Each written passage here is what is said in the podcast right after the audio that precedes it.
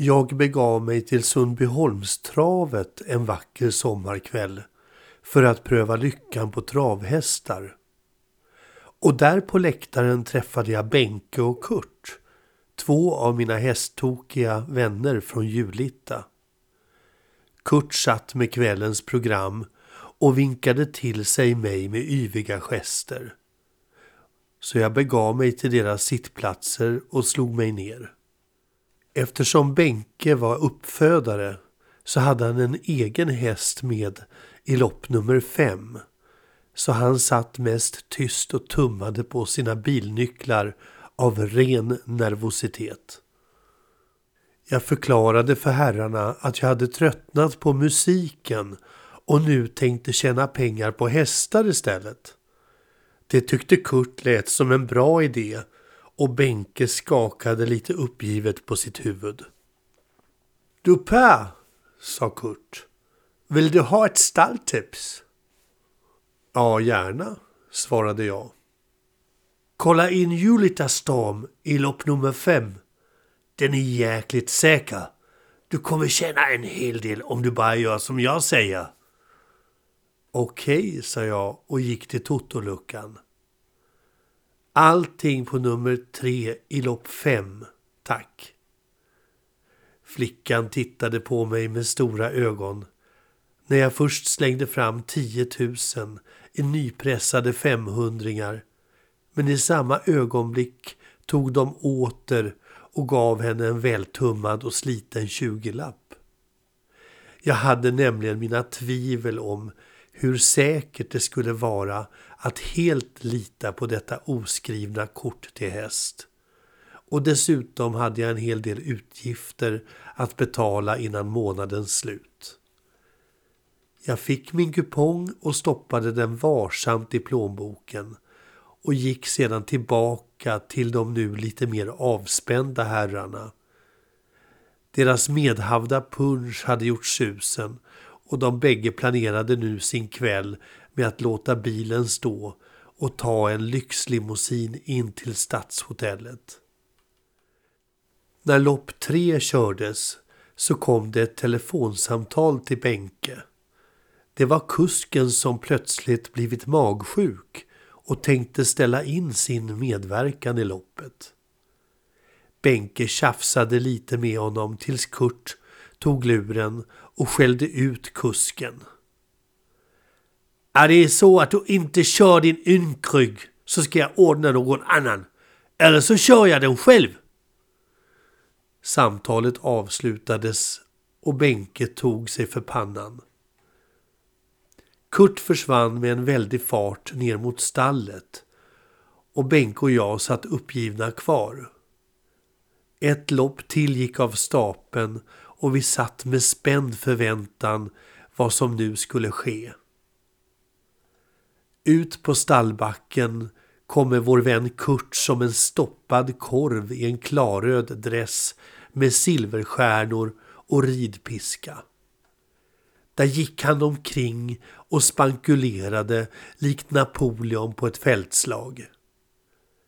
Efter ett tag kom hästen och Kurt försökte med hjälp av stallpersonalen komma ner i sulken. Det såg väldigt roligt ut när hästen började gå eftersom hela ekipaget åkte fram och tillbaka över banan. Styrningen Kurt för helvete! skrek Benke. Men Kurt kunde knappast höra honom utan körde förbi läktaren och vinkade glatt som ett barn i en karusell på nöjesfältet till oss. Har han kört förut, undrade jag. Ser det ut så, svarade Benke. Ja, men han kanske har tur. Inte mot alla professionella kuskar. Startbilen kördes fram och Kurt lyckades faktiskt komma runt med kusen men var hopplöst efter alla andra och låg vid start på sista plats. Jag ringer honom, sa Benke uppgivet och tog upp sin mobil. Och Kurt som låg sist tog upp sin telefon och svarade. Använd piskan lite Kurt. Snärta till lite och håll i tömmarna. Du är ju sist och Per och jag har ju satsat allt vi äger och har. Skärp dig nu! Kurt slängde mobilen ifrån sig i kurvan och visst hade väl farten ökat något. Han tog in på den näst sista hästen och la sig i ytterspåret. Hästen fnös och löddrade på raksträckan och lyckades ta in ytterligare placeringar. Kurt såg inte ut att njuta av farten utan tycktes bara försöka hålla sig kvar i sulken. Om han ramlar av nu så är det kört, sa Benke. Då blir han ju diskad. Och i högtalarna rapporterade spiken om händelseutvecklingen i loppet. Oj, oj, oj, nu kommer Kurt med nummer tre, Julita Storm som skjuten ur en kanon.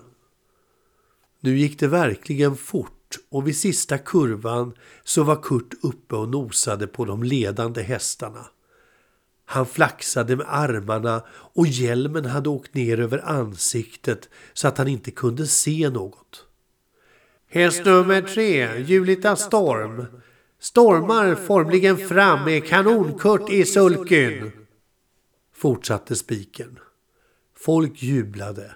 Stämningen var på topp och Benke tog ett par nervlugnande tabletter och sköljde ner med lite punch medan loppet gick mot sitt slut. Farten ökade ytterligare och nu var det bara hundra meter kvar. Kurt var nu uppe och nosade på ledarplatsen och spänningen var olidlig. Samtidigt som han försökte vända hjälmen som kommit bak och fram rätt igen. Kommer häst nummer tre, Julita Storm, ta hem denna seger. Kan Kanon-Kurt spöa favoriten? Det ekade i högtalarna av den exalterade spiken som nu närmast var nära att få en hjärtattack. Ja, han vinner! skrek han när Kurt passerade mållinjen som första ekipage. Och Benke han hoppade av glädje och skrek Vi är rika! Själv försökte jag låtsas som om jag också var lika rik och glad. Det kändes lite tokigt att inte ha trott på Kurt som hade bevisat att han verkligen var en naturbegåvning. Och när vi hade hämtat våra vinstpengar så gick vi ner till stallet. Där låg Kurt blåslagen i spiltan och Julita Storm stod bredvid och drack vatten i mängder. Vi fick inte av honom dressen utan tog hans privata kläder i en påse och ledde honom ut mot limousinen som nu var framkörd. Det här var ju oerhört Kurt, sa Benke. Du var fantastisk! Hur fan gjorde du egentligen? Spansk peppar, sa Kurt och log stort. Jag gav hästen spansk peppar innan loppet. Det verkade gå bra för hästen men jag måste slänga dressen någonstans. I alla fall byxorna. Så jäkla rädd var jag.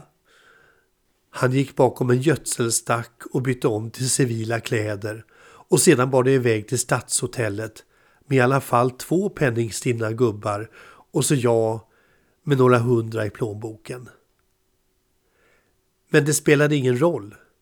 För synen av Kurt i den åtsittande kuskmunderingen och loppet var obetalbart och går inte att värdera i pengar. Jag måste gå på ponnytravet en gång till innan sommaren är slut.